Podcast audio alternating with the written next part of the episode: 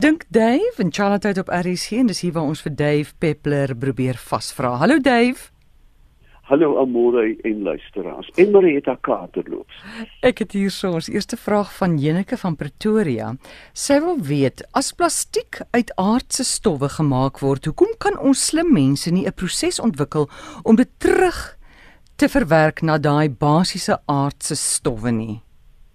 Ons kan natuurlik, Amore, ons kan, want dit is eenvoudige gebruik. Dit is komplekse chemie. Daar's twee probleme. Die een is dat meeste plastiek word gemaak om lank te hou. So dis chemies bepaal, chemies ehm um, aangepas om te hou. As jy 'n geet aan jou dak sit, wil jy nie hê die ding moet verkrummel na 'n seisoen nie.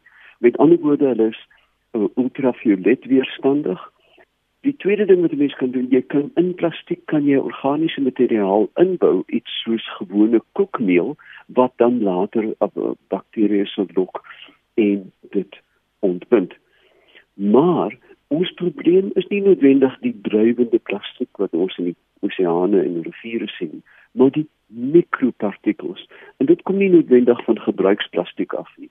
Dit kom byvoorbeeld uh jy het al gesien dat uh, tandepasta sê dit is vol mikroballetjies, jy weet. Uh, dit is nou gestop. Ons lekker warm jekkers wat ons dra, daai wollerige sintetiese jekkers. Um is soos 'n kat wat hare afgooi. Na elke was is daar 'n teelepel vol van mikrofesels en dit vind hulle weg terug na die voedselketting.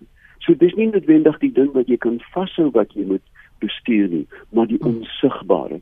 Ons moet um, ongelukkig minder van mikrofesel kledingstukke dra want uh, weet jy almoere dat beide in die noord en die suidpool het organismes nou al plastiekkorrels in hulle maag van hierdie mikro. Ja ja. So, ja, dit kan gedoen word, maar ons kyk op die verkeerde skaal.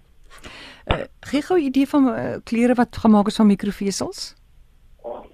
Jy weet nie skryf mos wat wat die Engelse noem 'n fleecy vlies 'n 'n ja. wollerige vesel wat die wind weghou. Nou hm. ongelukkig breek hierdie hmm. veseltjies af as jy dit was. Ek het self van die goed en ek kan dit nie op my hart kry om dit weg te gooi nie.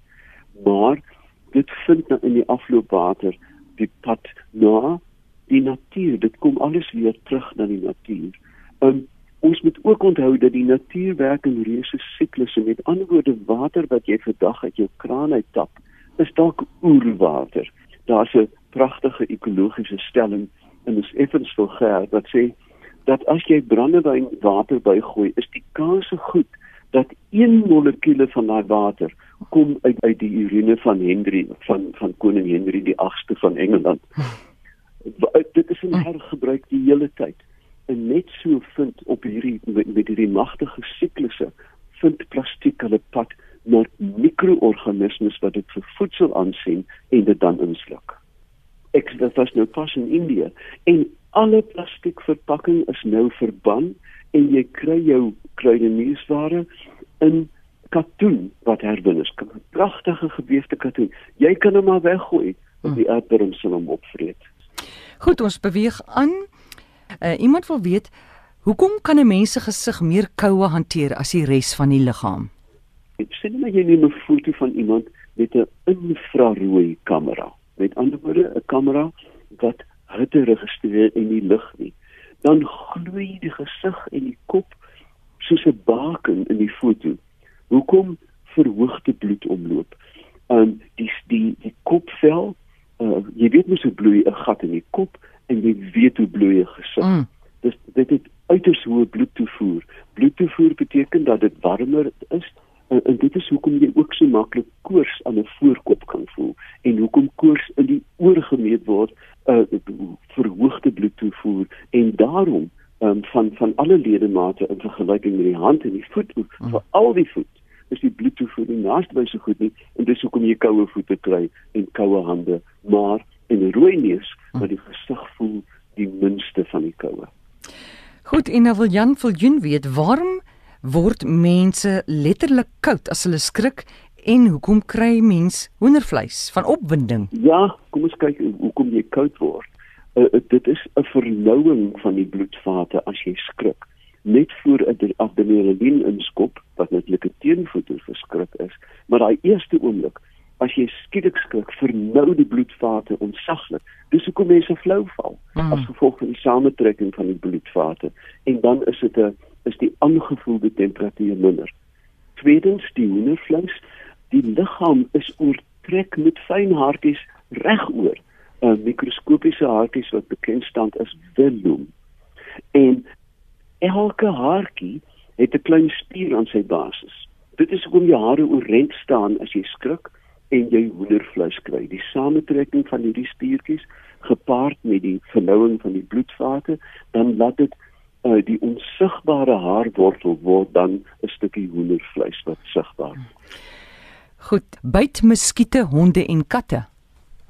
Maar natuurlik, weet jy 'n uh, muskiete word, um, dis nou eintlik 'n vraag vir die vir die gogga mense muskiete daar is kan nie onthou nie maar ek dink dit is soos 4 of 500 tipes muskiete op aarde waarvan 'n fraksie bloedsuik meeste van hulle drink nektar. Hulle is uh, baie uh, uh, liefdevolle diertjies wat nou maar net in 'n blommetjie sit. Maar 'n paar van hulle drink dit hulle bloed. Ek het nou weer in Indië langs riviere gesien honde oortrek van die muskiete. Um, dit kan so heftig word by diere daar's 'n toestand wat bekend staan as ontbloeding. Byvoorbeeld tampons, ook bloedsuigende insekte. 'n Dier kan doodsuip oornag. Jy kry net so 'n leeu breinpapier sak met 'n paar bene in. Dit is nou 'n grap. Want jy jong diere kan letterlik doodgesuip word.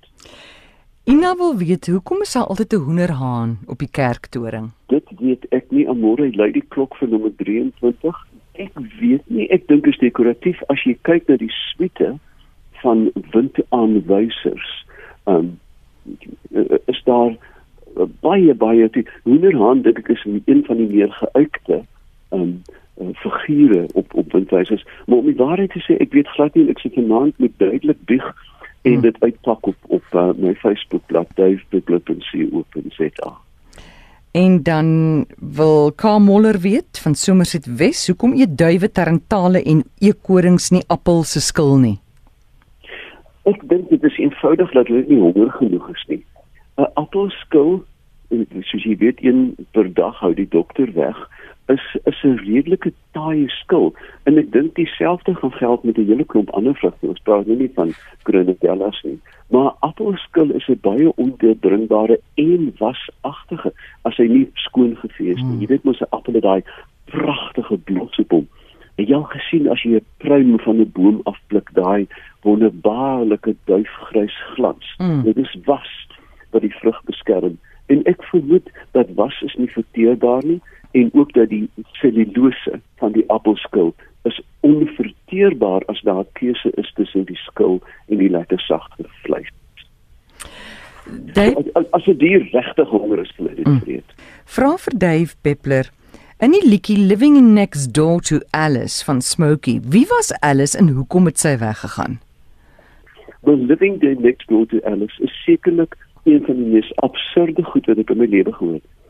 Uh, ek dink die liriek gaan ek moet dit nou baie vinnig dink 21 years of living dead. Jy hmm. weet as jy in 21 jaar vir alles nog 'n briefkop geskryf het nie of 'n oogkol geknip het nie of 'n oksel ontbloot het nie, dan is daar iets met jou en alles verkeerd. Goed, dankie. Dankie. So ja, jy kon nie verder uitpak nie want dit gaan dalk ontspoor. Goed.